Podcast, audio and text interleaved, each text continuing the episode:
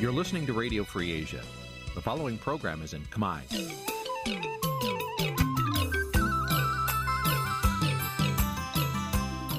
Nǐ chi càm bi tiệp xáy vệt chiu a zì sê ray នេះជាកម្មវិធីផ្សាយរបស់ Vithu Azisari ជាភាសាខ្មែរ វត្តឈូអាស៊ីសេរីសូមស្វាគមន៍លោកអ្នកនាងទាំងអស់ពីរដ្ឋធានី Washington នៃសហរដ្ឋអាមេរិក ពីរដ្ឋធានីវ៉ាស៊ីនតោនខ្ញុំបាទសេកបណ្ឌិតសូមជម្រាបសួរអស់លោកអ្នកនាងកញ្ញាទាំងអស់ជាទីមេត្រីយើខ្ញុំសូមជូនកម្មវិធីផ្សាយសម្រាប់ព្រឹកថ្ងៃប្រហ័ស8រោចខែមិគសេឆ្នាំថោះបัญចស័កពុទ្ធសករាជ2567ត្រូវនៅថ្ងៃទី4ខែមករា គ្រិស្តសករាជ2024បាទជាដំបូងនេះសូមអញ្ជើញអស់លោកអ្នកនាងស្ដាប់ព័ត៌មានប្រចាំថ្ងៃដែលមានមេតិការដូចតទៅ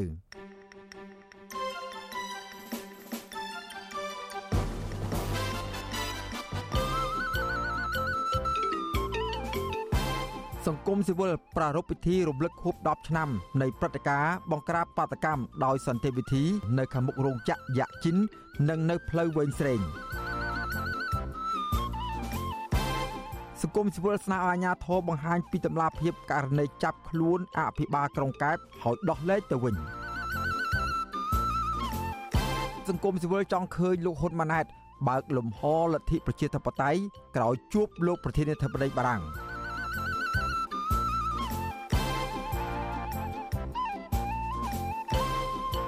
តំបន់ទំនប់វារីអគ្គិសនីសេសានក្រោម2คล้ายជាកន្លែងអភិរក្សពូជត្រីរួមនឹងព័ត៌មានសំខាន់សំខាន់មួយចំនួនទៀត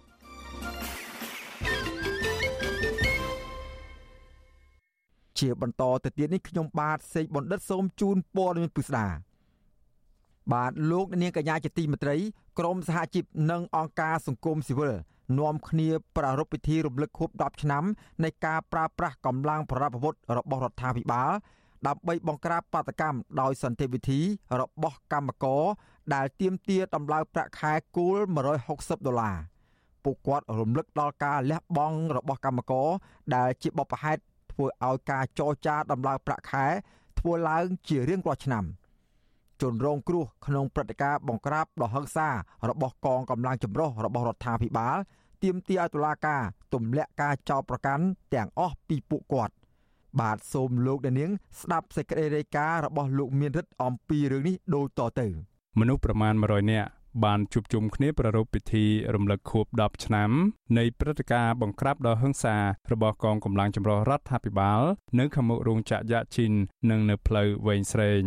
ពួកគេរំលឹកដល់ភាពឈឺចាប់និងបាននិមន្តព្រះសង្ឃសូត្រមន្តឧទ្ទិសកុសលដល់ជនរងគ្រោះដែលត្រូវបានសមត្ថកិច្ចបាញ់សម្លាប់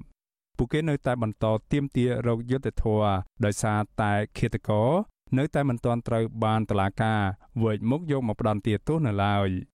ប្រធានសមាគមប្រជាធិបតេយ្យឯករាជ្យនៃសេដ្ឋកិច្ចក្រៅប្រព័ន្ធលោកវុនពៅដែលជាជនរងគ្រោះនៃព្រឹត្តិការណ៍ហិង្សានោះថ្លែងថាស្នាមរបួសដែលនៅលើក្បាលរបស់លោកជាស្លាកស្នាមមិនអាចបំភ្លេចបាននោះទេ ចំពោះការរៀបរៀងមិនអោយអាជ្ញាធរប្រើប្រាស់អំពើហិង្សាមកលើកម្មករ ក៏ប៉ុន្តែលោកថាលោកបែរជាត្រូវទទួលរងនឹងការវាយដំពីសំណាក់អាជ្ញាធររដ្ឋាភិបាលទៅវិញហើយអ្វីដែលយើងសោកស្ដាយមិនអាចបំភ្លេចបានគេបញ្ជូនយើងគឺគេឲ្យយើងធ្វើដំណើរកាត់មុខព្រាមមុខភូមិដំណើររបស់យើងខណៈដែលយើងបានឃើញកូនដៅទៅរបស់យើងកំពុងជិះកង់ពីសាលារៀនមួយប្អូនហើយយើងកំពុងជាប់ខ្នោះនឹងដៃនៅក្នុងរថយន្តរបស់សមាជិកក្នុងនេះខ្ញុំឯងនឹងឃើញថាប្រហែលជាគេទុកឲ្យយើងមើលមុខកូនជាលើចុងក្រោយហើយ កាលពីចុងឆ្នាំ2013និងដើមឆ្នាំ2014កម្មករកម្មការិនីរាប់ម៉ឺននាក់បានផ្ទុះការតវ៉ានៅមុខរោងចក្រយ៉ាឈិននិងនៅកំណាត់ផ្លូវវែងស្រេងដើម្បីទាមទារឲ្យដំឡើងប្រាក់ឈ្នួល160ដុល្លារក្នុងមួយខែស្របពេលដែលកំពុងមានវិបត្តិនយោបាយរវាងគណៈបកប្រជាជនកម្ពុជា និងគណៈបកសង្គ្រោះជាតិ លុះដល់ថ្ងៃទី2ខែមករាឆ្នាំ2014កងទ័ពឆ័ត្រយង911ដែលដឹកនាំដោយលោកចាប់ភក្តីបានបើកប្រតិបត្តិការវាយបង្ក្រាបដ៏ហិង្សាទៅលើក្រុមកម្មកររួមទាំងអ្នកការពារសិទ្ធិមនុស្សនៅខាងមុខរោងចក្រយ៉ាឈិនហើយថែមទាំងចាប់ខ្លួនកម្មករចំនួន7នាក់និងអ្នកការពារសិទ្ធិមនុស្ស3នាក់គឺលោកថេងសវឿនលោកវុនពៅនិងលោកច័ន្ទពុទ្ធិសាទៅធ្វើទរណកម្មនិងដាក់គុកអស់រយៈពេល7-5ខែ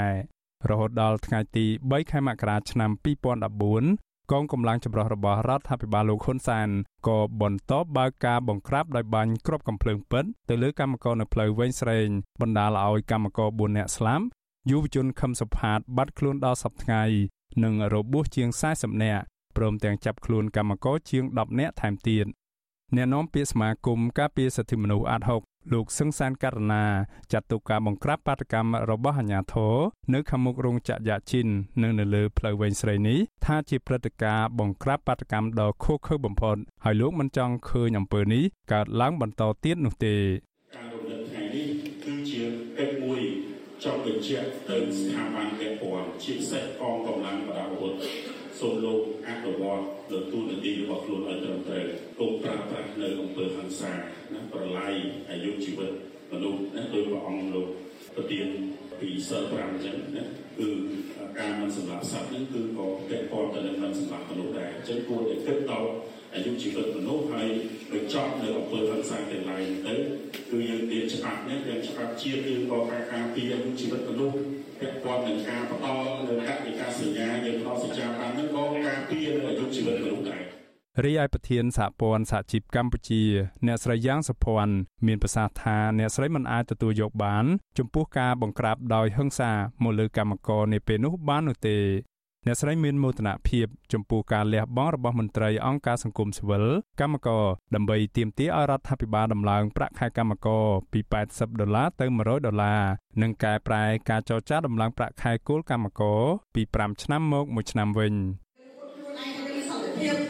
យើងសង្គមប្រជាធិបតេយ្យប៉ុន្តែគង្ពលដែលធ្វើនោះវាធ្វើពីអំពីដែលយើងពុតដៃដៃអញ្ចឹងណាចាខ្ញុំមានអារម្មណ៍ថាគឺខ្មែរខ្មែរខ្មែរខ្មែរអ្នកប្រទេសជិតខាងខាងអ្នកប្រទេសទៀតណាដែលយើងគិតមកថា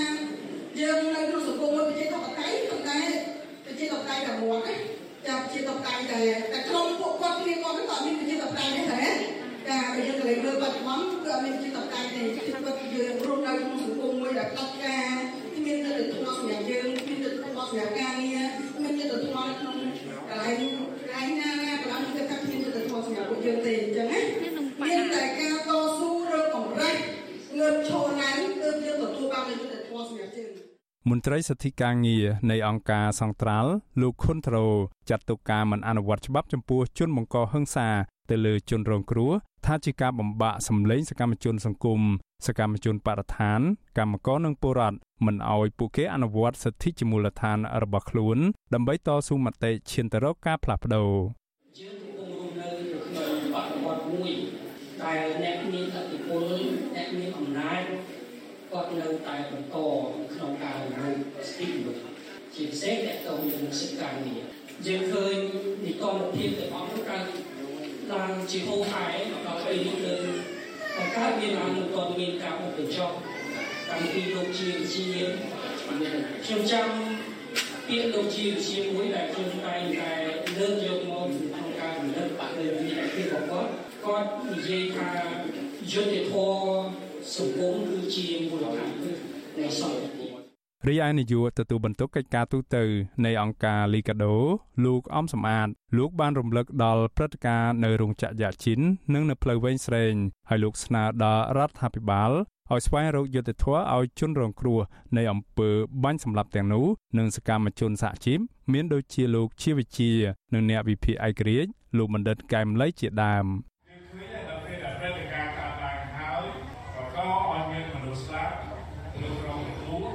វាឲ្យព្រោះឆាប់តាមពលនាគារអ្នករកគ្រោះខ្លាយជាជនល្មើស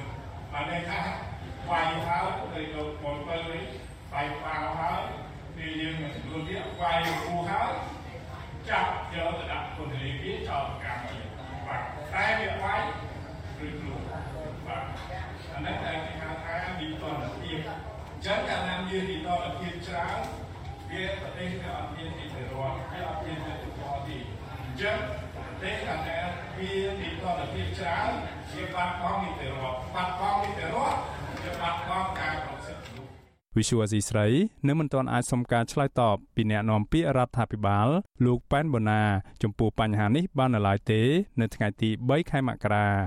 អតីតប្រធានអង្គភិបអ្នកនាំពាក្យរដ្ឋាភិបាលលោកផៃស៊ីផានធ្លាប់បានថ្លែងការពីអំពើហិង្សានិងការបាញ់បង្ក្រាបរបស់កងកម្លាំងសមត្ថកិច្ច ទៅលើក្រុមកម្មករនិងអ្នកការពារសិទ្ធិមនុស្សថា គឺជាការអនុវត្តច្បាប់ត្រឹមត្រូវហើយជាភ័ព្វសំណាងរបស់កម្ពុជា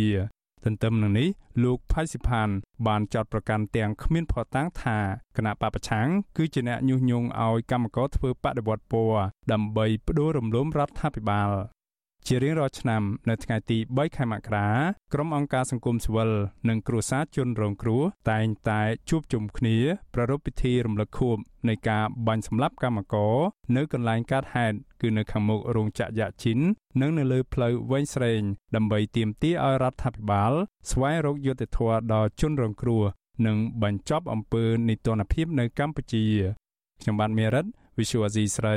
ពីរដ្ឋធានី Washington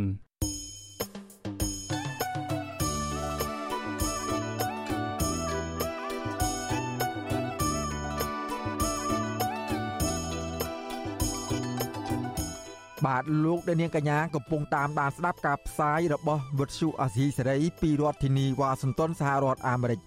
ក្រៅពីអស់លោកដានាង តាមដានស្ដាប់ការផ្សាយរបស់យើងខ្ញុំតាមរយៈបណ្ដាញសង្គមមាន Facebook YouTube និង Telegram ជាដើមនោះលោកដានាងក៏អាចស្ដាប់ការផ្សាយរបស់វិទ្យុអាស៊ីសេរីតាមរយៈវិទ្យុរលក ធាតុអាកាសខ្លី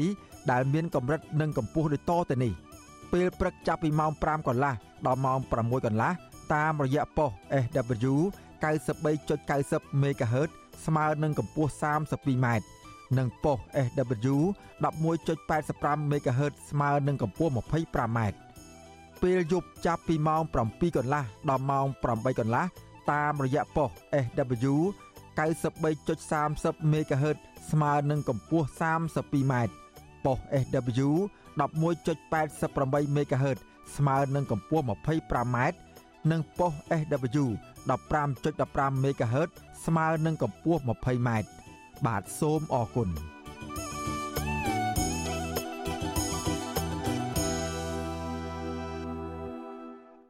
បាទលោកនាងកញ្ញាជាទីមេត្រីតកតងនឹងស្ថានភាពនៃការគោរពសិទ្ធិមនុស្សនិងលំហប្រជាធិបតេយ្យនៅប្រទេសកម្ពុជានាពេលបច្ចុប្បន្ននេះវិញអ្នកជំនាញនយោបាយការបរទេសចង់ឃើញលោកនាយករដ្ឋមន្ត្រីហ៊ុនម៉ាណែត ឆ្លើយតបជាវិជ្ជមាន នៅពេលទៅជួបប្រធានាធិបតីបារាំងលោកអេម៉ានូអែលម៉ាក្រុងនៅកង្វល់របស់សហភាពអឺរ៉ុបឬប្រទេសបារាំងជុំវិញបញ្ហាសិទ្ធិមនុស្សនិងប្រជាធិបតេយ្យនៅកម្ពុជាទោះយ៉ាងណាអ្នកនាំពាក្យគណៈបកកណ្ដាលអំណាចថាការអនុវត្តសិទ្ធិមនុស្សនិងប្រជាធិបតេយ្យគឺអាស្រ័យលើគោលការណ៍របស់ប្រទេសនីមួយៗដែលប្រទេសដទៃមិនអាចចាប់បង្ខំបានឡើយ។ បាទសូមស្ដាប់សេចក្តីរាយការណ៍របស់លោកទីនសាការីយ៉ាអំពីរឿងនេះពីរដ្ឋធានីវ៉ាស៊ីនតោនអ្នកជំនាញខាងនយោបាយការបរទេសលើកឡើងថាការបំពេញទស្សនកិច្ចផ្លូវការរបស់លោកនាយរដ្ឋមន្ត្រីហ៊ុនម៉ាណែតទៅប្រទេសបារាំងនៅពាក់កណ្ដាលខែមករាខាងមុខជាសញ្ញាវិជ្ជមាននៃការពង្រីកនយោបាយការបរទេសរបស់កម្ពុជាអ្នកជំនាញផ្នែកវិទ្យាសាស្ត្រនយោបាយនិងកិច្ចការអន្តរជាតិលោកអែមសវណ្ណរាឲ្យដឹងនៅថ្ងៃទី3មករាថា ប្រទេសបារាំងគឺជាប្រទេសសហប្រធានកិច្ចព្រមព្រៀងសន្តិភាពទីក្រុងប៉ារីសគណៈអ្នកប្រជាធិបតេយ្យមួយចំនួន តែងតែស្នើទៅប្រទេសបារាំងឲ្យជំរុញទៅរដ្ឋាភិបាលកម្ពុជាឲ្យអនុវត្តកិច្ចព្រមព្រៀងនេះឲ្យបានពេញលេញលោកបន្តថាប្រមុខរដ្ឋាភិបាលថ្មីគឺលោកហ៊ុនម៉ាណែតគួរតែបង្ហាញអរិយាប័ត្រនយោបាយកម្ពុជា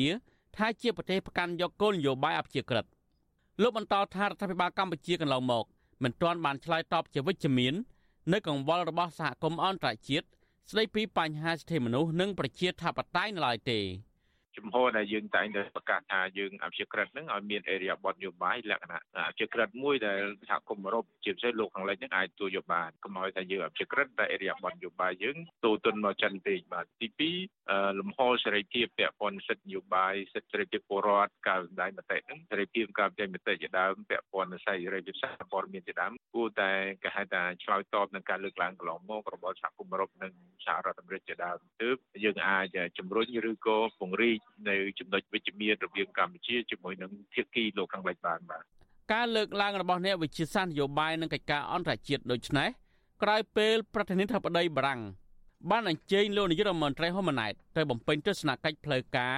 នៅប្រទេសបារាំងចាប់ពីថ្ងៃទី18ដល់ថ្ងៃទី19មករាខាងមុខលិខិតបកប្រែក្រៅផ្លូវការរបស់លោកអេម៉ានូអែលម៉ាក្រុងចុះកាលពីថ្ងៃទី31ធ្នូឲ្យដឹងថាគម្រោងដំណើរទស្សនកិច្ច ជាលើកទី1របស់លោកហ៊ុនម៉ាណែតទៅកាន់ប្រទេសបារាំងចាប់តាំងពីលោកឡើងកាន់តំណែងជានាយរដ្ឋមន្ត្រីនិងអនុញ្ញាតឲ្យជំរុញទៅមុខយ៉ាងជាក់ស្ដែងនៅវិស័យសំខាន់សំខាន់ជាច្រើនទំនាក់ទំនងរវាងប្រទេសទាំងពីរជាអាចវិស័យសេដ្ឋកិច្ចអភិវឌ្ឍយោធាបេតិកភណ្ឌជាដើមលោកម៉ាក្រុងរំពឹងថាដំណើរទស្សនកិច្ចនេះនឹងអនុញ្ញាតឲ្យប្រទេសទាំងពីរពិនិត្យមើលមធ្យោបាយនានាដែលអាចប្រើប្រាស់រួមគ្នាដើម្បីពង្រឹងសណ្ដាប់ធ្នាប់ពិភពលោកផ្អែកលើច្បាប់ ក្នុងគោលដៅធានាអធិបតេយ្យនិងអាចក្រេកពេញលេញនៃបណ្ដារដ្ឋទាំងអស់តកតងនឹងបញ្ហានេះដែរអតីតនាយករដ្ឋមន្ត្រីលហ៊ុនសែនបានអបអរសាទរសាររបស់លោកហ៊ុនសែននេះដែលត្រូវបានផ្សព្វផ្សាយតាមបណ្ដាញសង្គមនៅថ្ងៃទី3មករាលើកឡើងទៀតថានេះគឺជាដំណើរទស្សនកិច្ចរបស់ថ្នាក់ដឹកនាំកម្ពុជាកម្ពុជាលើកទី1ដែលនឹងបំពេញទស្សនកិច្ចផ្លូវការទៅកាន់ប្រទេសបារាំងសម្រាប់ឆ្នាំ2024នេះជំវិញនឹងការលើកឡើងនេះ វិទ្យុអាស៊ីសេរីមិនអាចតតងប្រធានអង្គភិបអ្នកនាំពាក្យរដ្ឋាភិបាលលោកប៉ែនបូណាដើម្បីសំសួរអំពីបញ្ហានេះបន្ថែមបានទេនៅថ្ងៃទី3មករាចំណែកឯអ្នកនាំពាក្យគណៈបកប្រជាជនកម្ពុជាលោកឈឹមផលវរុនលើកឡើងថាប្រធានបទសិទ្ធិមនុស្សនិងប្រជាធិបតេយ្យជាការអនុវត្តតាមគោលការណ៍របស់ប្រទេសនីមួយៗបើនិយាយអំពីសិទ្ធិមនុស្សគេមានកំណត់ ច្បាស់នៅក្នុងសេចក្តីប្រកាសរួមជាសកល ដោយអនុវត្តទៅតាមនីតិវិធីច្បាប់របស់ប្រទេសនីមួយនីមួយឯរឿងប្រជាធិបតេយ្យគឺគ្មានលិខិតបទដ្ឋានគតិយុត្តអន្តរជាតិណាតម្រូវឲ្យប្រទេសទាំងអស់មានស្តង់ដារប្រជាធិបតេយ្យរួមគ្នាទេទោះជាយ៉ាងណាអ្នកសម្រាប់សម្រួលផ្នែកអង្កេតរបស់អង្គការឃ្លាំមើលការបោះឆ្នោត Confrel លោកកនសវាងរំពឹងថាមេដឹកនាំទាំងពីរនឹងជជែកគ្នាអំពីបញ្ហានយោបាយដែលកំពុងតែជាប់គាំង និងការផ្ដល់សិទ្ធិធ្វើនយោបាយដល់គណៈបកប្រឆាំងវិញលោកបន្តថាបើសិនជាមេដឹកនាំកម្ពុជាយល់ព្រមបន្ធូរបន្ថយស្ថានភាពដែលតានតឹងដូចសពថ្ងៃនេះក៏នឹងជះផលល្អនៅក្នុងការទៀមទាយកប្រព័ន្ធអនុគ្រោះពន្ធ EBA ពេញលេញពីសហភាពអឺរ៉ុបឡើងវិញដែរ។ មិនមានន័យថាការជជែកជាមួយបារាំងវាបាន EBA ឬក៏ស្អីមកវិញទេពីព្រោះនៅក្នុង EBA យើងដឹងថាវាមានលក្ខខណ្ឌរបស់វាប៉ុន្តែយ៉ាងហើយណាគឺជាសមាជិករបស់សហភាពអឺរ៉ុបដែរដែលអាចមានលទ្ធភាពនៅក្នុងការពិភាក្សារកចំណុចណាដែលនៅជាប់គាំងហ្នឹងអាចនឹងជជែកគ្នាដើម្បីរកលទ្ធផលល្អទៅមុខទៀតដែរបាទរហូតមកទល់ពេលនេះសហភាពអឺរ៉ុបមិនទាន់បានផ្ដល់ប្រព័ន្ធអនុគ្រោះពន្ធ EBA ពេញលេញមកកម្ពុជានៅឡើយទេខណៈដែលសហរដ្ឋអាមេរិក ក៏មិនទាន់បានផ្ដល់ប្រព័ន្ធអនុគ្រោះពន្ធ GSP មកឲ្យកម្ពុជាវិញដែរដោយសារតែរដ្ឋាភិបាលកម្ពុជា មិនទាន់អនុវត្តលើកិច្ចព្រមព្រៀងសន្តិភាពទីក្រុងប៉ារីសការគោរពសិទ្ធិមនុស្សនិងស្ដារលទ្ធិប្រជាធិបតេយ្យវិញនោះចំណែកឯមេដឹកនាំនយោបាយនិងសកម្មជនគណបកប្រឆាំងរួមទាំងមេដឹកនាំសហជីពផងជាង30នាក់កំពុងតែជាប់ឃុំក្នុងពន្ធនាគារដោយអយុត្តិធម៌ខ្ញុំបាទធីនសាការីយ៉ាអស៊ីសេរីប្រធានាធិបតី Washington បាទលោកអ្នកនាងកញ្ញាជាទីមេត្រី ចំណែកស្ថានភាពរបស់ក្រមជនភៀសខ្លួន ដែលកំពុងរស់នៅក្នុងប្រទេសថៃឯនោះវិញបាទជនភៀសខ្លួនខ្មែរនៅប្រទេសថៃបានធ្វើយុទ្ធនាការទៀមទីឲ្យរដ្ឋាភិបាលលោកហ៊ុនម៉ាណែតបញ្ឈប់ការចាប់ចង និងប្រាហឹង្សាលើអ្នកដែលមាននិន្នាការផ្ទុយពីរដ្ឋាភិបាលរបស់លោកជាបន្តទៅទៀតមន្ត្រីសង្គមស៊ីវិលលើកឡើងថាយុទ្ធនាការទៀមទីរបស់ជនភៀសខ្លួននេះ ជាសិទ្ធិសេរីភាពរបស់ប្រជាពលរដ្ឋស្របតាមរដ្ឋធម្មនុញ្ញក្រមជនភៀសខ្លួនខ្មែរធ្វើយុទ្ធនាការតាមបណ្ដាញសង្គម Facebook ដោយដាក់សញ្ញាគូសខ្វែងពណ៌ក្រហមអមដោយរូបថតផ្ទាល់ខ្លួន និងសរសេរខ្លឹមសារថាថ្កោលទោសរដ្ឋាភិបាលត្រកូលហ៊ុនដែលតែងតែប្រើហិង្សាលើជាតិសាសន៍របស់ខ្លួនឯងមន្ត្រីគណៈបកប្រឆាំងដែលកំពុងភៀសខ្លួននៅក្នុងប្រទេសថៃលោកខឹមមនីកុសលប្រាប់វិទ្យុអសីសេរី នៅថ្ងៃទី3ខែមករាថាការធ្វើយុទ្ធនាការនេះដើម្បីទាមទារឲ្យរដ្ឋាភិបាល បញ្ឈប់ការចាប់ចង និងប្រើហិង្សាមកលើអ្នកដែលមាននិន្នាការផ្ទុយពីរដ្ឋាភិបាលបន្តទៅទៀតលោកបញ្ជាក់ថាមូលហេតុដែលធ្វើបែបនេះដោយសារមិនពេញចិត្តនឹងរដ្ឋាភិបាល ដែលតាមធ្វើទុកបុកម្នេញលើអ្នកមាននិន្នាការផ្ទុយពីរដ្ឋាភិបាលជាបន្តបន្ទាប់ជាពិសេសថ្មីថ្មីនេះអាញាធរថៃបានចាប់ជនភៀសខ្លួនខ្មែរ7នាក់ និងមានជនមិនស្គាល់មុខព្រួតវាយសកម្មជនកិច្ចព្រមព្រៀងសន្តិភាពទីក្រុងប៉ារីសគឺលោកស្រុនស្រាន់បណ្ដាលឲ្យរបួសធ្ងន់ជាដើម។ជាការអំពាវនាវមួយហើយក៏ដាស់តឿនទៅដល់គាត់ផងដែរថាអំពើហិង្សាអស់ហ្នឹងគួរតែបញ្ឈប់ទៅហើយរិះរកមធ្យោបាយអ្វីថ្មីល្អយកមកអនុវត្តវិញជាជាងប្រើយុទ្ធសាស្ត្រតែអំពើហិង្សាបង្ក្រាបទៅលើប្រជាពលរដ្ឋហ្នឹងយើងរកវិធីដោះស្រាយតាមបែបប្រជាធិបតេយ្យតាមបែបអហិង្សាណាហ្នឹងហើយផ្ដល់សិទ្ធិសេរីភាពទៅឲ្យប្រជាពលរដ្ឋបើកលំហប្រជាធិបតេយ្យវិញទៅដើម្បីយើងអាចមានលទ្ធភាពស្ដារទាំងសេដ្ឋកិច្ចជាតិស្ដារទាំងមុខមាត់ប្រទេសជាតិរបស់យើងឡើងវិញដែរលោកបន្តថាពួកគេនឹងធ្វើយុទ្ធនាការនេះតាមបណ្ដាញសង្គមជាបន្តបន្ទាប់ទៀតដោយគ្មានថ្ងៃកំណត់វិទ្យុអសីសេរីនៅពុំទាន់អាចតាក់ទងប្រធានអង្គភិបអ្នកណែនាំពាក្យរដ្ឋាភិបាលលោកប៉ែនបូណាដើម្បីអត្ថាធិប្បាយជុំវិញបញ្ហានេះបាននៅឡើយទេ នៅថ្ងៃទី3ខែមករា ប៉ុន្តែអ្នកណែនាំពាក្យគណៈបកប្រជាជនកម្ពុជាលោកសុកអេសាន ប្រាប់វិទ្យុអសីសេរីថារដ្ឋាភិបាលក្រោមការដឹកនាំរបស់គណៈបកប្រជាជនកម្ពុជាពុំបានបញ្ជូនមនុស្សទៅចាប់ចង និងវាយធ្វើបាបពលរដ្ឋខ្មែរណាម្នាក់នោះទេអាហ្នឹង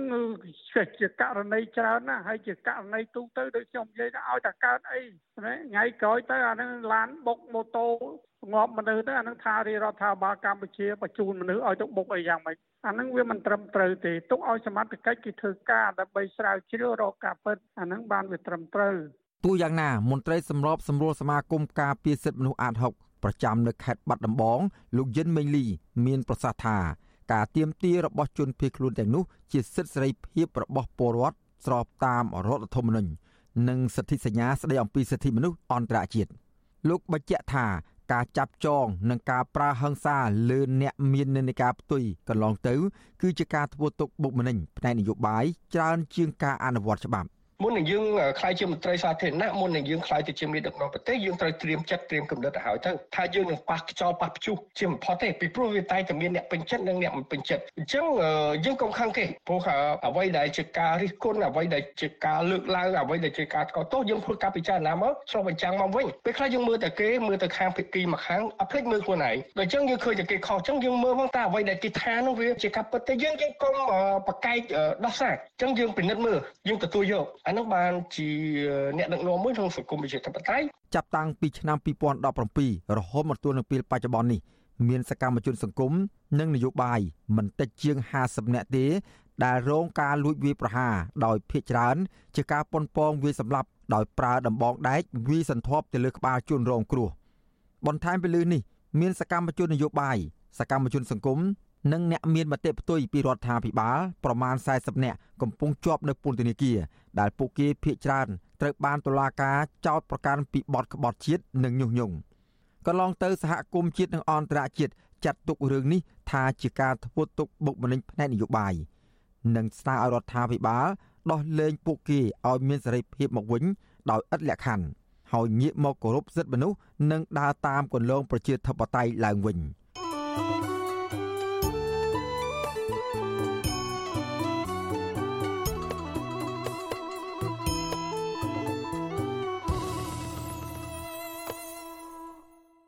បាទលោកអ្នកនាងកញ្ញាជាទីមេត្រីឥឡូវនេះយើងក្រឡេកទៅមើលបញ្ហានៅជុំវិញតំបន់ទំនប់វារីអគិសនីសេសានក្រោម2នៅភូមិអេសានឯនោះវិញសេចក្តីរាយការណ៍ពីភូមិភាគអេសានឲ្យដឹងថាផ្នែកខ្លះនៃតំបន់បាតអាងនៃទំនប់វារីអគិសនីសេសានក្រោម2មានផ្ទៃដីជាង30000ហិកតា ដែលជាកន្លែងអភិរក្សដ៏សំខាន់ផ្ដល់ប្រយោជន៍សេដ្ឋកិច្ចដល់ជនជាតិដើមភាគតិចជាង100គ្រួសារ រស់នៅក្នុងឃុំស្រែគោនិងឃុំក្បាលរមាសខេត្តស្ទឹងត្រែង កំពុងប្រឈមបញ្ហានេសាទខុសច្បាប់ក្រមប្រជាសហគមន៍បារម្ភពីការហិនហោចធនធានមច្ឆាជាតិនៅតំបន់នោះបាទយើងប្រកូលនេតិនេះជូនដល់លោកជីវិតារាជការពុស្ដាអំពីរឿងនេះពីរដ្ឋធានីវ៉ាស៊ីនតោនប្រជាពលរដ្ឋដែលរងគ្រោះដោយសារទំនប់វារីអគិសនីសេសានក្រោម2រស់នៅក្នុងឃុំស្រែគោនិងឃុំក្បាលរមៀសស្រុកសេសាន ទទូចឲ្យអាជ្ញាធរខេត្តស្ទឹងត្រែងពង្រឹងការអនុវត្តច្បាប់នេសាទឲ្យគ្រប់ជ្រុងជ្រោយពួកគេសង្កេតឃើញថា បច្ចុប្បន្នមានពលរដ្ឋចំណូលស្រុករាប់រយគ្រួសារបានតាំងទីលំនៅនៅក្បែរតំបន់បាតអាងនៃទំនប់វារីអគ្គិសនីសេសានក្រម2ដោយប្រកបមុខរបរនេសាទត្រី ហើយពួកគេតែងតែលួចពង្រាយអួននិងឧបករណ៍នេសាទខុសច្បាប់ដទៃទៀតដើម្បីចាប់ត្រីនៅតំបន់បាតអាង តំណាងសហគមន៍ភូមិក្បាលរមៀសលោកស្រីស្រាញ់ឡាញ់ប្រាប់វិទ្យុអាស៊ីសេរីនៅថ្ងៃទី3មករាថា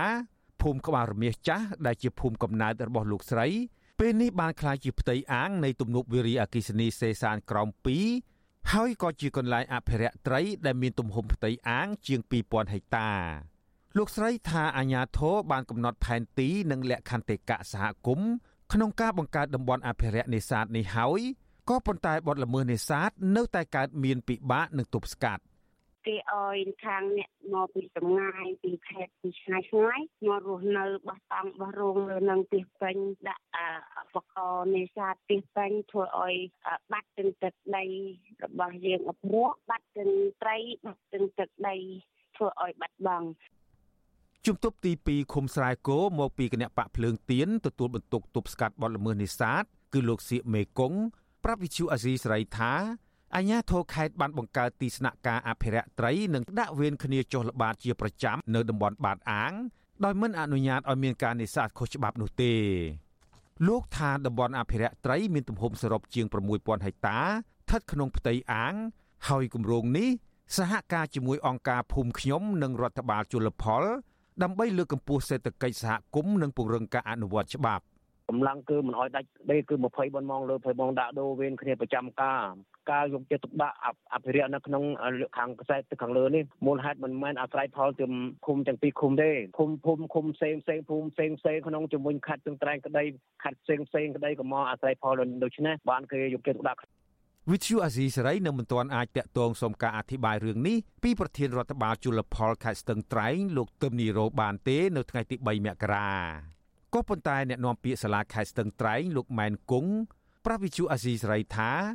តំបន់បាតអាងនៃទំនប់វារីអគ្គិសនីសេសានក្រម2មានសក្តានុពលសម្រាប់មច្ឆជាតិនិងវិស័យទេសចរដែលអាជ្ញាធរត្រូវការពេលវេលារៀបចំទីតាំងទេសចរធនធានធម្មជាតិនៅខ្សែទឹកខាងលើ លោកថាអាជ្ញាធរបន្តអប់រំពលរដ្ឋឲ្យយល់ដឹងពីច្បាប់ជលផល និងរួមគ្នាអភិរក្សធនធានត្រីក្នុងតំបន់អភិរក្សនេះ តំបន់ផ្នែកខាងលើតំបន់បាត់អាងគឺជាតំបន់ដែលមានសក្តានុពលដោយសារទឹកចាប់ផ្ដើមក្របដណ្ដប់ទៅលើផ្ទៃដីមួយចំនួនពីមុនដែលជាមិនមែនជាផ្ទៃដីលិចទឹកតំបន់ទាំងអស់នោះខ្សែទៅជាតំបន់ដែលមានសក្តានុពលនៅជំរកបោះត្រីពងកូននៅផ្នែកខាងលើនៃទំនប់នោះផងហើយជាការបង្កកំណើតនិងការរីកដាលនៃពពួក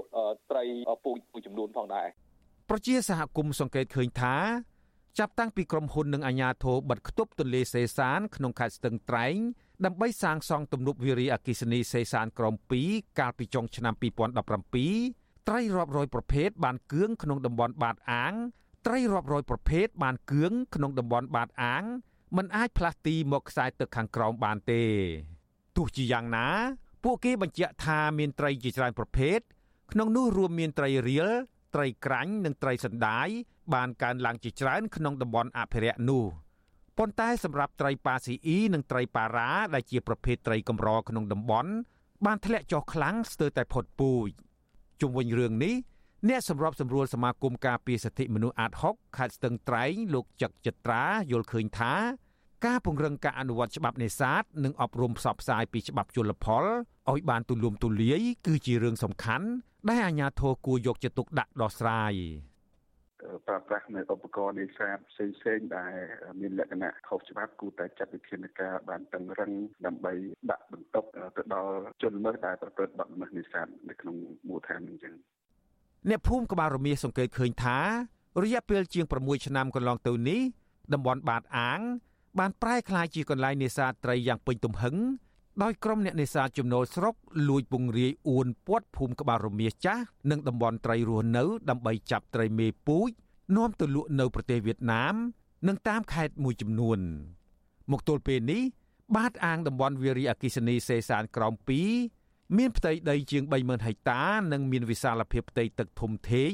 គ្របដណ្ដប់ក្នុងឃុំចំនួន3គឺឃុំស្រែគោ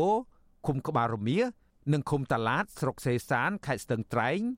លាតសន្ធឹងទល់នឹងខេត្តរតនគិរីខ្ញុំជីវិតាអាស៊ីសេរី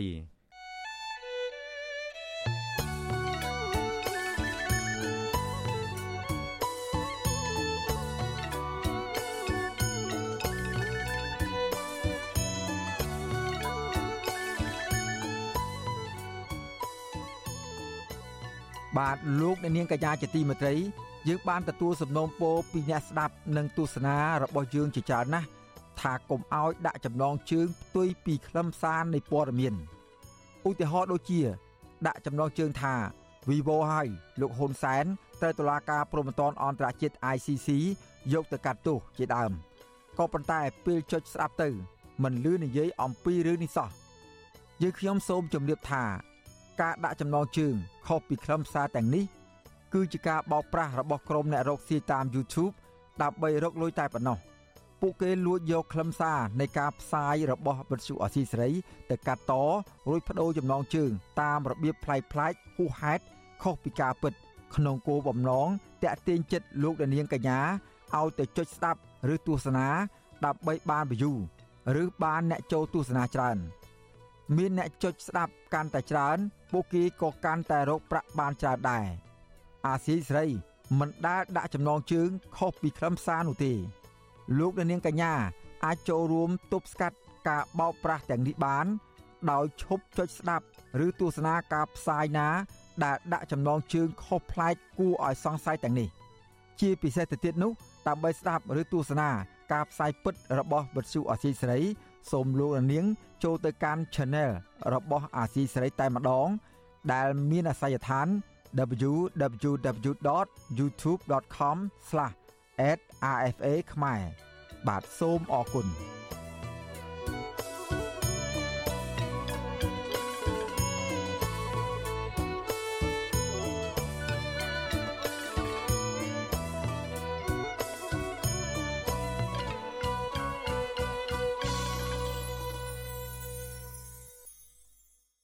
បាទពាក់ព័ន្ធនឹងបញ្ហាបរិស្ថានដដែលនេះ សហគមន៍និងសកម្មជនបរិស្ថានអះអាងថា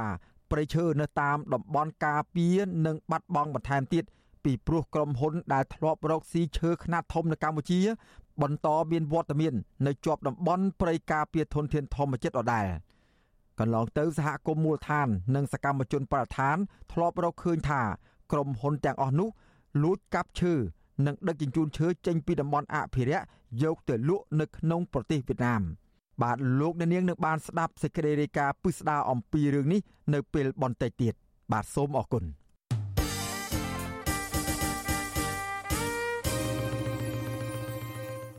បាទលោកអ្នកនាងកញ្ញាជាទីមេត្រីក្រសួងការងារនិងបណ្ដុះបណ្ដាលវិជ្ជាជីវៈកំណត់ក្រុមហ៊ុនស្របច្បាប់ ដែលនាំពលករទៅធ្វើការនៅក្រៅប្រទេសដើម្បីលុបបំបាត់នៅក្រុមហ៊ុនដែលឆោបបោកពលករកន្លងមក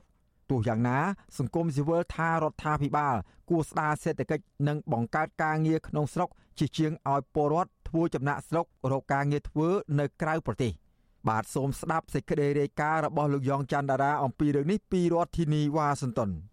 ក្រសួងការងារបានជ្រើសរើសក្រុមហ៊ុនចំនួន400ដើម្បីបណ្ដុះបណ្ដាល បញ្ជូន និងគ្រប់គ្រងពលករខ្មែរទៅធ្វើការនៅប្រទេសជប៉ុន ថៃ និងអារ៉ាប៊ីសាអូឌីតជាដើមក្រសួងការងារឲ្យដឹងថា ក្រុមហ៊ុនដែលពុំមានឈ្មោះនៅក្នុងបញ្ជីរបស់ក្រសួងនេះគឺជាក្រុមហ៊ុនខុសច្បាប់ប្រធានផ្នែកប្រឆាំងការជួញដូរមនុស្សនិងទេសន្តប្រវេសនៃអង្គការសង្ត្រាល់លោកឌីថេហូយ៉ាមានប្រសាសន៍ថាការផ្សព្វផ្សាយពីក្រុមហ៊ុនឬទីភ្នាក់ងារជ្រើសរើសឯកជនរបស់ក្រសួងការងារនេះគឺជាផ្នែកមួយនៅក្នុងការទប់ស្កាត់ក្រុមហ៊ុនឬទីភ្នាក់ងារនាំពលករទៅក្រៅប្រទេសខុសច្បាប់ក៏ប៉ុន្តែលោកថានៅពេលដែលស្ថានភាពសេដ្ឋកិច្ចនៅកម្ពុជាធ្លាក់ចុះបែបនេះ នាំឲ្យពលរដ្ឋធ្វើចំណាក់ស្រុកទៅក្រៅប្រទេសកាន់តែកើនឡើងហើយពលករមួយចំនួន បន្តជ្រើសរើសក្រុមហ៊ុនខុសច្បាប់ដែលយកតម្លៃសេវាតិចដដែលអានឹងច្បាស់ណាស់ពាក់ព័ន្ធនឹងរឿងកត្តាសេដ្ឋកិច្ចកណាវាអន្តរសាឡើងឬវាដុនដាបអត្រាការងារធ្វើហ្នឹងក៏វាធ្លាក់ចុះអញ្ចឹងហើយពលរដ្ឋត្រូវការរកការងារធ្វើដើម្បីបានប្រាក់ចំណូលអញ្ចឹងគាត់ត្រូវចំណាក់ស្រុកបន្ថែមហើយរបាយការណ៍របស់ក្រសួងការងារឲ្យដឹងថា នៅក្នុងឆ្នាំ2022មានពលករខ្មែរចំនួនជាង1លាន3សែននាក់កំពុងធ្វើការនៅក្នុងប្រទេសគោលដៅចំនួន7ក្នុងនោះមានដូចជាប្រទេសថៃកូរ៉េខាងត្បូងម៉ាឡេស៊ីជប៉ុន សិង្ហបុរីតំបន់រដ្ឋបាលពិសេសហុងកុងនិងប្រទេសអារ៉ាប៊ីសាអូឌីតក៏ប៉ុន្តែរបាយការណ៍របស់អង្គការសង្ត្រាល់ដែលចេញផ្សាយកាលពីថ្ងៃទី20ខែធ្នូឆ្នាំ2023ប៉ាន់ស្មានថាយ៉ាងហោចណាស់មានពលករខ្មែរជាង2លាននាក់កំពុងបម្រើការងារនៅប្រទេសថៃ ដែលភ្នាក់ច្រើនមិនបានទៅតាមក្រុមហ៊ុនឬមានឯកសារស្របច្បាប់ឡើយរបាយការណ៍ដដែលឲ្យដឹងទៀតថាភ្នាក់ច្រើននៃពលករកម្ពុជាត្រូវចំណាក់ស្រុកដោយសារតែគ្មានជំរើសឬក៏ដោយសារតែស្ថានភាពបង្ខំដូចជាកង្វះខាតឱកាសការងារសមរម្យនិងទៀងទាត់នៅក្នុងស្រុកការជំពាក់បំណុលទិន្នផលកសិកម្មធ្លាក់ចុះនិងខ្វះឬក៏គ្មានទីផ្សារលក់ផលិតផលជាដើមរបាយការណ៍ដដែលឲ្យដឹងទៀតថាកត្តាទាំងនេះបានរុញច្រានពលករចំណាក់ស្រុក ជាពិសេសពលករជាស្ត្រីនិងកុមារឲ្យคล้ายទៅជាក្រុមងាយធ្លាក់ខ្លួននៅក្នុងស្ថានភាពរងគ្រោះកាន់តែខ្លាំងដូចជាចាញ់បោកមេខ្យល់ទទួលរងការកេងប្រវ័ញ្ចកម្លាំងពលកម្មការរំលោភបំពានសិទ្ធិការងារនិងរងគ្រោះក្នុងអំពើជួញដូរមនុស្សតាក់ទងទៅនឹងរឿងនេះដែរប្រធានសហភាពការងារកម្ពុជាលោកអាតធុនមានប្រសាសន៍ថារោងចក្រប្រមាណ40%បានបិទទ្វារកាលពីឆ្នាំ2023ដែលបានធ្វើឲ្យកម្មករបាត់បង់ការងារនិងមានកម្មករមួយចំនួនទៀត សម្រាប់ចិត្តធ្វើចំណាក់ស្រុកដើម្បីជីវភាពនិងដោះបំណុលគ្រួសារលោកអាត់ធុនលើកឡើងទៀតថាសម្រាប់កម្មករពួកគាត់មិនចង់ធ្វើចំណាក់ស្រុកទៅប្រទេសថៃនិងម៉ាឡេស៊ីដែលមានប្រាក់ឈ្នួលប្រហាក់ប្រហែលនឹងការងារក្នុងស្រុកនោះទេ ជាការពិតនៅពេលដែលនៅក្នុងស្រុកវាមិនមានការងារធ្វើហើយការងារហ្នឹងមិនមានប្រាក់ចំណូលគ្រប់គ្រាន់ឬក៏លក្ខខណ្ឌការងារមិនល្អឬក៏អត់មានសុវត្ថិភាពការងារអញ្ចឹងកម្មករនិងពលរដ្ឋជាតែរកវិធីហើយដូចជាការចំណាក់ស្រុកវាជាជំរើសមួយដែលគាត់អាចទៅដូចជាទៅកូរ៉េទៅជប៉ុនឬក៏ទៅថៃឬក៏ទៅប្រទេសផ្សេងៗទៀតហ្នឹងអញ្ចឹងការមិនមានការងារច្បាស់លាស់ការដែលមិនមានសុវត្ថិភាពឬក៏វាមិនល្អសម្រាប់កម្មករយើងទេបាទ លោកអាត់ធុនស្នើដល់រដ្ឋាភិបាលបើកលំហប្រជាធិបតេយ្យដើម្បីឲ្យកម្ពុជាទទួលបានប្រព័ន្ធអនុគ្រោះពន្ធឡើងវិញដើម្បីឲ្យសេដ្ឋកិច្ចកម្ពុជាល្អប្រសើរហើយពលរដ្ឋខ្មែរក៏មិនប្រថុយប្រឋានធ្វើចំណាក់ស្រុកទៅបរទេសទៀតនោះដែរវិទ្យុអាស៊ីសេរីមិនអាចសុំការឆ្លើយតបរឿងនេះពីរដ្ឋមន្ត្រីក្រសួងការងារលោកហេងសួរនិងអ្នកនាំពាក្យក្រសួងនេះគឺលោកកតាអូនបានទេ នៅថ្ងៃទី3ខែមករាកាលពីឆ្នាំ2023 អាញាធរថៃបានចាប់ខ្លួនពលករខ្មែរជាច្រើនអ្នកនៅក្នុងនោះកាលពីខែតុលាអាញាធរថៃបានពាត់ចាប់ខ្លួនពលករចំណាក់ស្រុកខុសច្បាប់ចំនួនជាង400នាក់ដែលធ្វើការជាកម្មករសំណង់នៅខេត្តអយុធ្យានៅក្នុងប្រទេសថៃក៏ប៉ុន្តែករណីនេះអាញាធរថៃបានដោះលែងពលករខ្មែរខ្លះឲ្យវិលត្រឡប់ទៅកន្លែងការងារវិញក្រោយពេលថៅកែធានាដោយសន្យាធ្វើសម្បត្តិស្នាមស្របច្បាប់ជូនទៅដល់ពួកគាត់ខ្ញុំយ៉ងច័ន្ទដារាវិទ្យុអាស៊ីសេរី Washington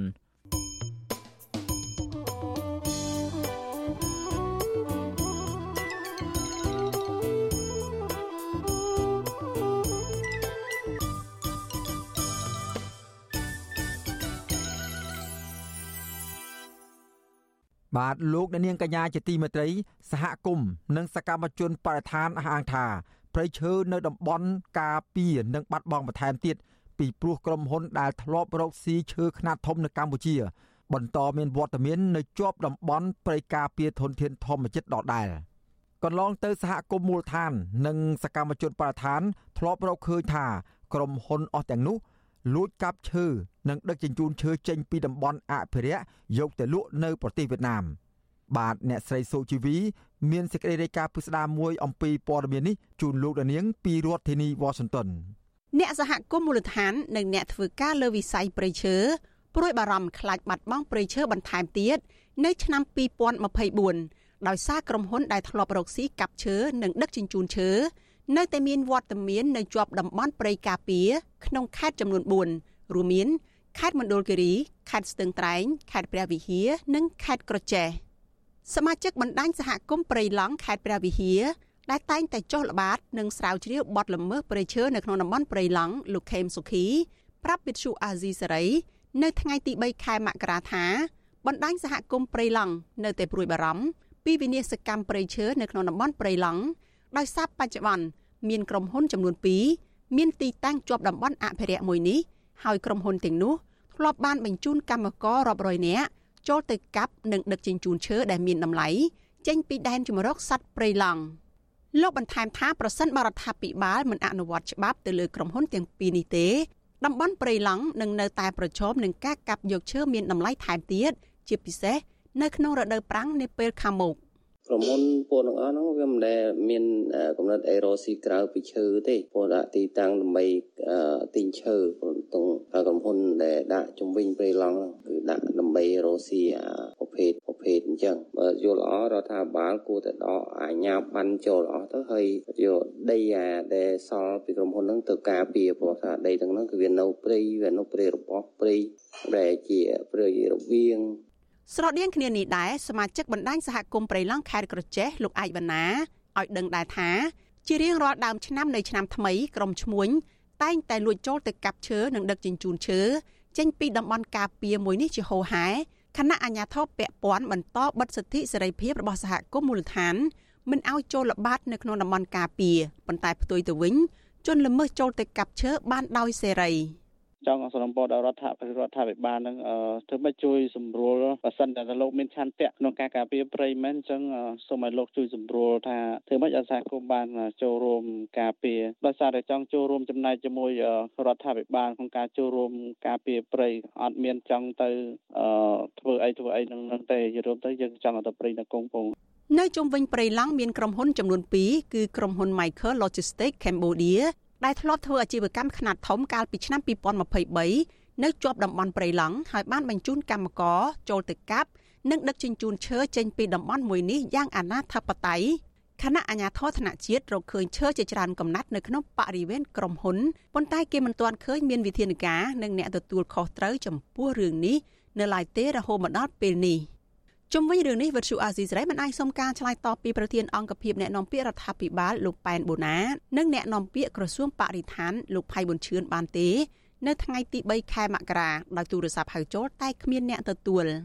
ចំណែកអ្នកស្រាវជ្រាវនិងខ្លមើធនធានធម្មជាតិនៅកម្ពុជាលោកសេងសុហេងលើកឡើងថា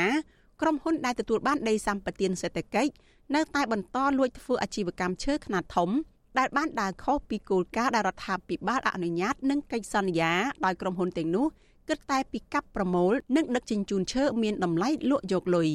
លោកជំរុញឲ្យមន្ត្រីរដ្ឋាភិបាលថ្នាក់ជាតិត្រូវចុះត្រួតពិនិត្យឲ្យបានត្រឹមត្រូវនិងដំណាភាពទៅលើក្រុមហ៊ុនណាដែលមិនគោរពតាមគោលការណ៍របស់រដ្ឋាភិបាលហើយត្រូវដកហូតដីសម្បត្តិសេដ្ឋកិច្ចត្រឡប់មកវិញនិងដាក់ពិន័យព្រមទាំងដាក់ទោសទៅលើក្រុមហ៊ុនដែលបានប្រព្រឹត្តល្មើសទៅតាមច្បាប់ ប្រឹងការរបបទូការវត្តច្បាប់របស់ទូនីតិរបស់មន្ត្រីរាជការអាជ្ញាធរពាក់ព័ន្ធឲ្យបានខ្លាំងទៅអានឹងវាអាចចូលរួមចំណែកក្នុងការទប់ស្កាត់បានច្រើនមែនទែនសហគមន៍មូលដ្ឋានគាត់ធ្វើកិច្ចការងារទៅលើព្រៃឈើទូទៅធម្មជាតិសង្គមស៊ីវិលសកម្មជនបរិស្ថានសកម្មព្រៃឈើនៅគាត់បើសិនជាអាជ្ញាធរសហការឲ្យបើកចំហឲ្យបានទលំទលាទៅខ្ញុំថាវាវាជាផ្នែកមួយល្អមែនទែនវិជនការមួយល្អក្នុងការចូលរួមចំណែកដើម្បីលុបបំបាត់បាត់ល្មើសព្រៃឈើ ក្រុមហ៊ុនចំនួន3ផ្សេងទៀតកំពុងមានវត្តមានជាប់តំបន់ការពារធនធានធម្មជាតិរួមមានក្រុមហ៊ុនលឹមរយ៉ាល់និងក្រុមហ៊ុនណៃណាកំពុងធ្វើអាជីវកម្មឈើដែលមានទីតាំងជាប់ដែនជំរកសត្វព្រៃភ្នំព្រិចនិងតំបន់ការពារច្រករបៀងជីវៈចម្រុះអេសានឃុំរយលើ នៅស្រុកកោះញែកខេត្តមណ្ឌលគិរី និងក្រុមហ៊ុន TSMW ក៏កំពុងតែសម្ងំធ្វើអាជីវកម្មឈើខ្នាតធំរបស់ខ្លួនជាប់តំបន់ការពារធម្មជាតិស្រុកសៀមប៉ាងខេត្តស្ទឹងត្រែង។ តកទៅនឹងបញ្ហានេះអ្នកសម្របសម្រួលគម្រោងនៃសមាគមបណ្ដាញយុវជនកម្ពុជាលោកអូតឡាទីនយល់ឃើញថារដ្ឋាភិបាលត្រូវតែសិក្សាស្រាវជ្រាវនិងដកហូតដីសម្បត្តិសេដ្ឋកិច្ចរបស់ក្រុមហ៊ុនណា ដែលជាប់ពាក់ព័ន្ធនឹងបទល្មើសកាប់បំផ្លាញព្រៃឈើនៅក្នុងតំបន់អភិរក្សមកវិញនឹងត្រូវដាក់ពិន័យឬដាក់ទោសទណ្ឌទៅតាមច្បាប់ឲ្យបានតឹងរឹងក្រៅពីនោះត្រូវបើកលំហសិទ្ធិសេរីភាពឲ្យសហគមន៍មូលដ្ឋានសកម្មជនបរិស្ថាន និងអង្គការដៃគូចូលរួមការពារប្រៃឈើឲ្យបានពេញលេញឡើងវិញបើពុំដូច្នោះទេរដ្ឋាភិបាល នៅតែរងការរិះគន់ពីមហាជន ពីការរឹតបន្តឹងសិទ្ធិសេរីភាពសហគមន៍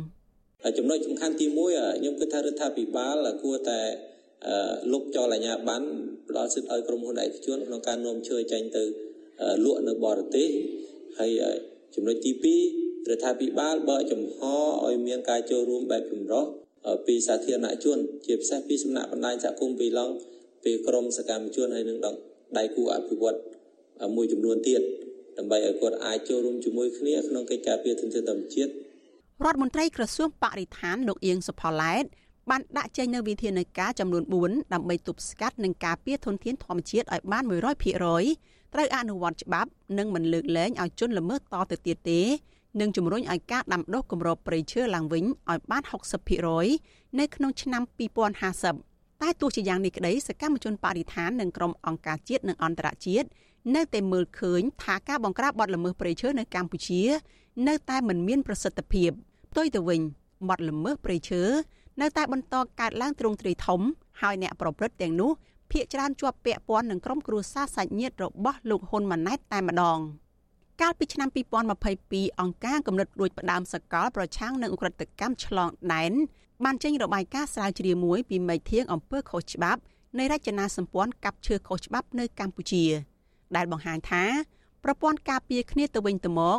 ដែលបង្កើតឡើងដោយគ្រួសារអតីតនាយករដ្ឋមន្ត្រីលោកហ៊ុនសែនជាមួយនឹងអង្គញានិងកងកម្លាំងប្រដាប់អាវុធធ្វើឲ្យមានវិនាសកម្មប្រៃឈើនៅកម្ពុជា នាងខ្ញុំសុជីវីវិទ្យុអាស៊ីសេរី ពីរដ្ឋធានី Washington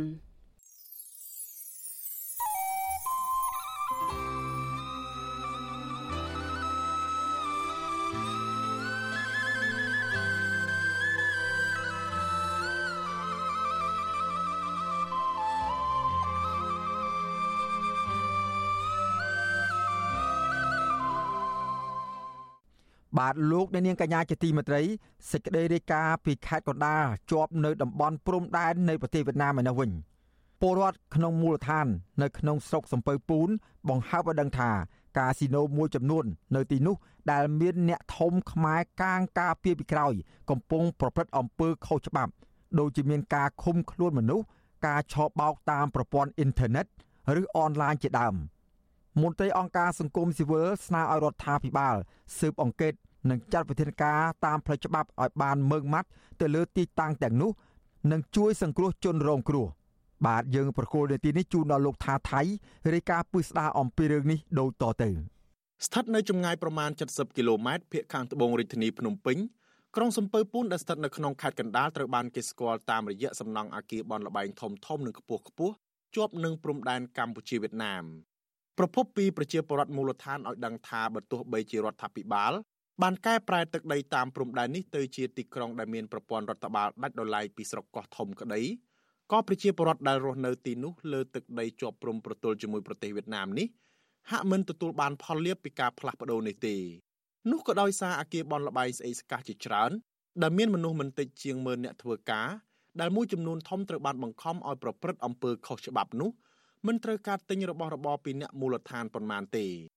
អ្នកភូមិសំពើពូនថាសំបីតែទឹកផឹកដបក៏ពុថៅកែចិនផលិតខ្លួនឯងនៅក្នុងបរិវេណកាស៊ីណូដែរអ្នកភូមិនិងអ្នកធ្វើការក្នុងកាស៊ីណូអះអាងថាបនលបែងគ្រប់គ្រងដោយជនជាតិចិននិងមានអ្នកធំខ្មែរកាងការពារពីក្រោយទាំងនោះមានលក្ខបំពូនសកម្មភាពខុសច្បាប់នានាដូចជាអំពើឆបោកអនឡាញនិងបង្ខាំងមនុស្សបង្ខំឲ្យប្រព្រឹត្តអំពើទុច្ចរិត ពលរដ្ឋម្នាក់រស់នៅក្រុងសំពើពូនដែលធ្លាប់ធ្វើការនៅក្នុងកាស៊ីណូ Golden Fortune Resort World ប្រាប់វិទ្យុអាស៊ីសេរីក្នុងលក្ខខណ្ឌសុំមិនបញ្ចេញឈ្មោះនិងសំឡេងដើមថា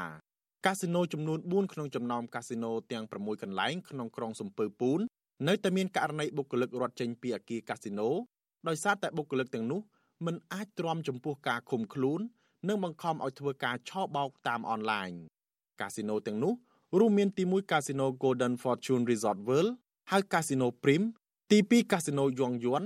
ទី3កាស៊ីណូ Pacific Real Estate Management ហៅកាស៊ីណូ Rich World ឬហៅថាកាស៊ីណូដំរី2និងទី4កាស៊ីណូ Galaxy ពលរដ្ឋរូបនេះអះអាងបន្តថាបុគ្គលិកដែលត្រូវបានឃុំខ្លួននិងបង្ខំឲ្យធ្វើការទាំងនោះភាគច្រើនបានចាញ់បោកការឃោសនាដែលគេកុហកថាមកធ្វើការតាមអនឡាញនៅកម្ពុជា និងទទួលបានប្រាក់ខែច្រើនក៏ប៉ុន្តែពេលពួកគេមកដល់ ត្រូវបានមេការជនជាតិចិនឃុំខ្លួននិងបង្ខំឲ្យធ្វើការរកលុយតាមការឆបោកអនឡាញលើមនុស្សជុំវិញពិភពលោកដោយមិនទទួលបានប្រាក់ខែរហូតដល់រកលុយតាមគោលដៅកំណត់លោកបញ្ជាក់ថាសម្រាប់សន្តិសុខវិញមានការតឹងរឹងខ្លាំងក្នុងការចិញ្ចោល គេហាមយកទូរស័ព្ទចូលបងសំក៏គេមានឆៃយើងហើយមានចូលមកដំណាក់កាលទៀតគេដាក់អាម៉ាស៊ីននេះហ្នឹងស្កេនចូលអត់បានព្រោះអីកន្លែងហ្នឹងគឺតឹងរឹងអាគឺយើងចូលអត់បានក៏ទៅគេគេអីក៏មិនអត់បានដល់ភ្ញៀវចូលទៅអាហ្នឹងយកទូរស័ព្ទលេងបានតែលោកគ្រូទេគាត់ថាលោកគ្រូចង់ចូលលេងកាស៊ីណូអាហ្នឹងដល់ចូលកាស៊ីណូហ្នឹងហើយរឿងថាឲ្យលោកគ្រូមកទៅដល់កន្លែងគេធ្វើការឡើងជន់ឡើងគេគឺអត់អាចអនុញ្ញាតបានទេលាតសន្ធឹងលើផ្ទៃដីប្រមាណ10ហិកតានិងមានអគារបណ្ដោយប្រមាណ100ម៉ែត្រកម្ពស់4ទៅ5ជាន់ប្រមាណ20អគារកាស៊ីណូ Golden Fortune គឺជាកាស៊ីណូដែលមានអគារច្រើននិងទំហំធំជាងគេក្នុងចំណោមអគារកាស៊ីណូនៅទីក្រុងសំពើពួន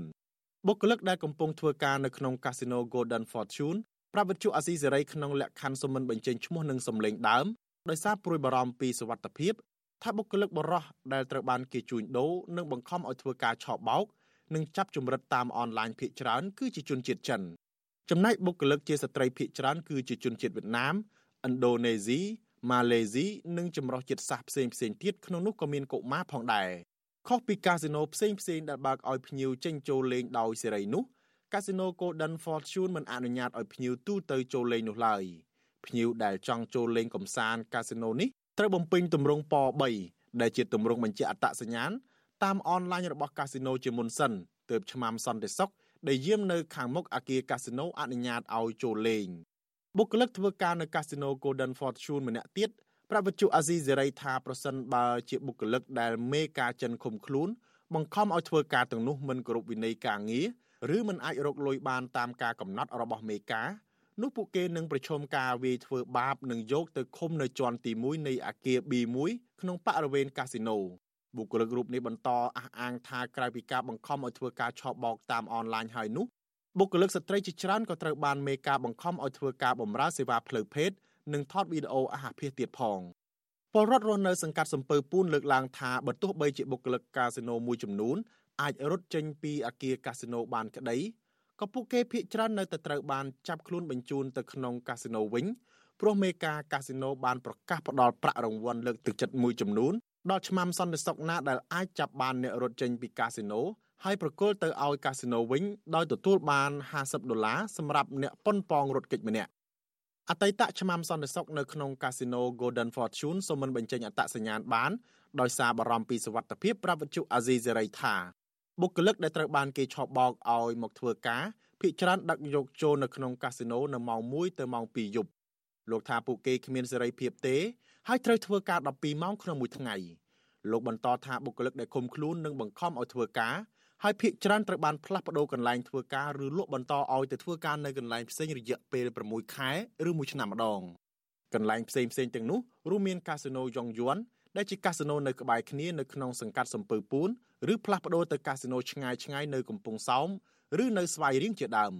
បរិះរូបនេះបន្តថារូបលោកនិងអ្នកខ្លះទៀតនៅតែដើរល្បាតម្ដងម្កាលដើម្បីរកមើលបុគ្គលិកណាដែលលួចចេញពីកាស៊ីណូដើម្បីចាប់បញ្ជូនទៅក្នុងកាស៊ីណូវិញដើម្បីទទួលបានប្រាក់រង្វាន់ បើទោះបីជាយ៉ាងណាក៏នៅមានអ្នកភូមិដែលមានសន្តានចិត្តជួយដល់ជនរងគ្រោះដែរអ្នកភូមិព្រែកសឹងរស់នៅក្បែរអគារកាស៊ីណូ Golden Fortune ម្នាក់ឲ្យដឹងថាបច្ចុប្បន្នមិនសូវមានបុគ្គលិកអាចរត់ចេញពីអគារកាស៊ីណូបានទៀតទេលោកថាកាលពីប្រមាណ4ខែមុនអំឡុងខែសីហាមានករណីបុគ្គលិកកាស៊ីណូរត់ចេញពីកាស៊ីណូញឹកញាប់ណាស់លោកបញ្ជាក់ថាលោកធ្លាប់ជួយលាក់បុគ្គលិកម្នាក់ជាជនជាតិវៀតណាមដែលរត់ចេញពីកាស៊ីណូ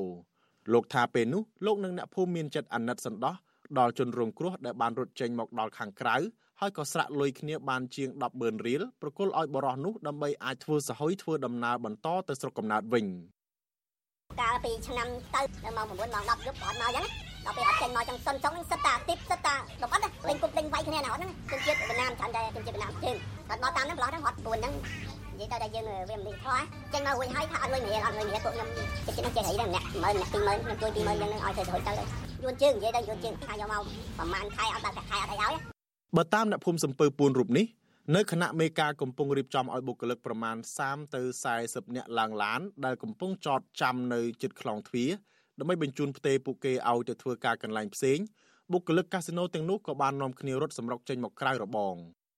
អត់ចេញព្រូមកមកវាជួងអ្នកសន្តិសុខយាមព្រាយាមអីឲ្យបាយព្រាឲ្យណាក៏ចេញមកដល់ក្រៅបានសន្តិសុខតាមចាក់តាមបាយវិញចាក់បានយកចូលទៅ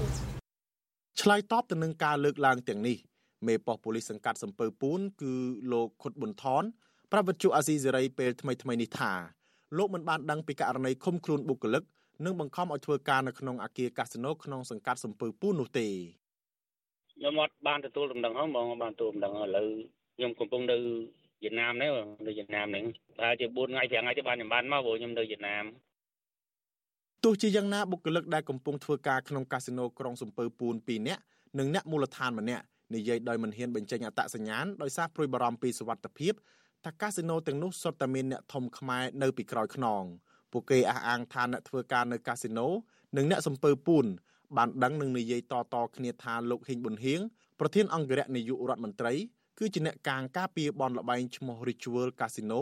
ឬហៅថា Casino ដំរី2ចំណែកលោកនាយករដ្ឋមន្ត្រីហ៊ុនម៉ាណែតចូលឈ្មោះកាងការពីអគារកាស៊ីណូ Golden Fortune តាំងតែពីលោកមិនទាន់ឡើងជានាយករដ្ឋមន្ត្រីមកម្លេះ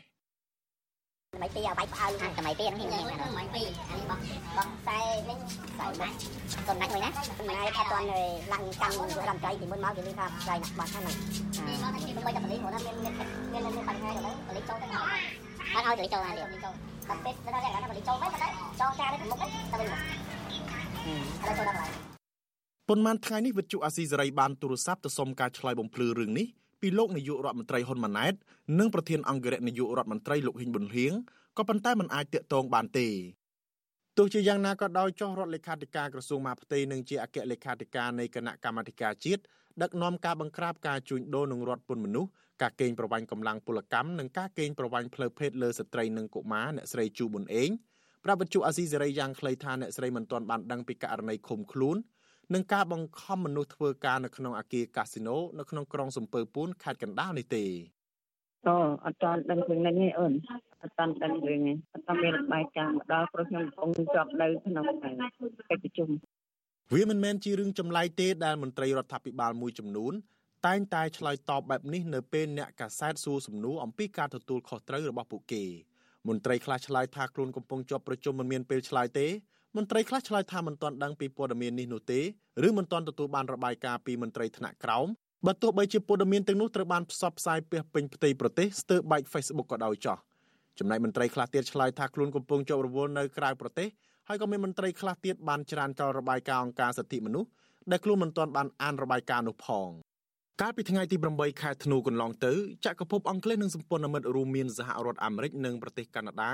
បានប្រកាសរួមគ្នាដាក់ទណ្ឌកម្មបង្កកទ្រព្យសម្បត្តិនិងហាមឃាត់មិនឲ្យបុគ្គលចំនួន9រូបនិងក្រុមហ៊ុនសរុបចំនួន46ក្រុមហ៊ុនដែលរំលោភសិទ្ធិធ្ងន់ធ្ងរមិនឲ្យធ្វើដំណើរទៅកាន់ប្រទេសពួកគេនោះឡើយក្នុងនោះរួមមានក្រុមហ៊ុនកាស៊ីណូចំនួន5និងបុគ្គល3រូបនៅកម្ពុជាក្រុមហ៊ុននិងកាស៊ីណូទាំងនោះរួមមានក្រុមហ៊ុនសៀងហេងគ្រប់នៅរាជធានីភ្នំពេញ កាស៊ីណូហេងហេងនៅខេត្តស្វាយរៀងសន្តាគារ KB នៅខេត្តព្រះសីហនុក្រុមហ៊ុនឬកាស៊ីណូអចលនទ្រព្យ Pacific Real Estate Management នៅខេត្តកណ្ដាលនិងក្រុមហ៊ុន Golden Sun Sky Entertainment នៅខេត្តព្រះសីហនុចំណែកបុគ្គលដែលត្រូវទណ្ឌកម្មវិញរួមមានម្ចាស់ក្រុមហ៊ុនឬកាស៊ីណូ Pacific Real Estate Management នៅសំពើពួនលោកហុំសវណ្ណីប្រធានក្រុមប្រឹក្សាពិបាលក្រុមហ៊ុន Golden Sun Sky Entertainment លោកដុងលីឆេង ជនជាតិចិនទទួលបានសញ្ជាតិខ្មែរនិងម្ចាស់ក្រុមហ៊ុនយ៉ាតៃ International Holding Group លោកជីសៀងសៀជាជនជាតិចិនដែលទទួលបានសញ្ជាតិខ្មែរនាយកទទួលបន្ទុកកិច្ចការទូតទៅនៃអង្គការសិទ្ធិមនុស្សលីកាដូលោកអំសំអាតយល់ឃើញថាអាញាធរពិសេសក្រសួងមហាផ្ទៃគូតែបើកការស៊ើបអង្កេតទៅលើកាស៊ីណូដែលប្រជាពលរដ្ឋបានលើកឡើងពីករណីឃុំខ្លួននិងបង្ខំមនុស្សឲ្យប្រព្រឹត្តអំពើខុសច្បាប់នេះហើយចាត់វិធានការផ្លូវច្បាប់ឲ្យបានម៉ឺងម៉ាត់ លោកបន្តថានេះគឺជាឱកាសដែលថ្នាក់ដឹកនាំកម្ពុជាគូស្ដារមុខមាត់កម្ពុជានៅថ្នាក់ជាតិនិងថ្នាក់អន្តរជាតិដើម្បីទាក់ទាញអ្នកវិនិយោគល្អៗមកជួយស្ដារសេដ្ឋកិច្ចកម្ពុជាឡើងវិញរាជរដ្ឋាភិបាលពេលដែលទទួលព័ត៌មានហ្នឹងឬក៏មានករណីទាំងអស់ហ្នឹងកើតឡើងត្រូវតែចាត់វិធានការទៅតាមផ្លូវច្បាប់ឲ្យខាងតែបានទី2គឺជនណាក៏ដោយឲ្យតែពាក់ព័ន្ធនឹងអំពើពុករលួយទទួលផលប្រយោជន៍អំពី បាត់ល្មើសទាំងអស់ហ្នឹងត្រូវធានាថាអនុវត្តផ្លូវច្បាប់ឲ្យខាងតែបានលោកអំសំអាតបន្ថែមថាដើម្បីលុបបំបាត់អំពើជួញដូរមនុស្សនិងបទល្មើសចាប់ចម្រិតតាមអនឡាញឲ្យមានប្រសិទ្ធភាពរដ្ឋាភិបាលគូបង្កើតកិច្ចសហប្រតិបត្តិការជាមួយបណ្ដាប្រទេសដៃគូក្នុងតំបន់និងសហគមន៍អន្តរជាតិរបាយការណ៍របស់អង្គការសហប្រជាជាតិចេញផ្សាយកាលពីខែសីហារកឃើញថាកម្ពុជានិងភូមាឬមីយ៉ាន់ម៉ា គឺជាមជ្ឈមណ្ឌលស្នូលនៃការប្រព្រឹត្តអំពើឆបោកតាមអនឡាញនៅតំបន់អាស៊ីអាគ្នេយ៍យ៉ាងហោចណាស់មានមនុស្សមួយសែននាក់បានក្លាយជាជនរងគ្រោះនៃការបង្ខំឲ្យប្រព្រឹត្តអំពើឆបោកតាមអនឡាញនៅកម្ពុជាខ្ញុំថាថៃពីទីក្រុងមែលប៊ន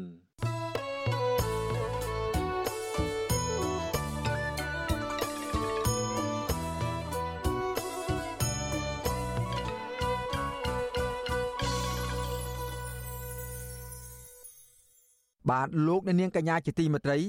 ការផ្សាយរបស់វិទ្យុអសីសេរីរយៈពេល1ម៉ោងសម្រាប់ព្រឹកនេះចប់តែប៉ុណ្ណេះ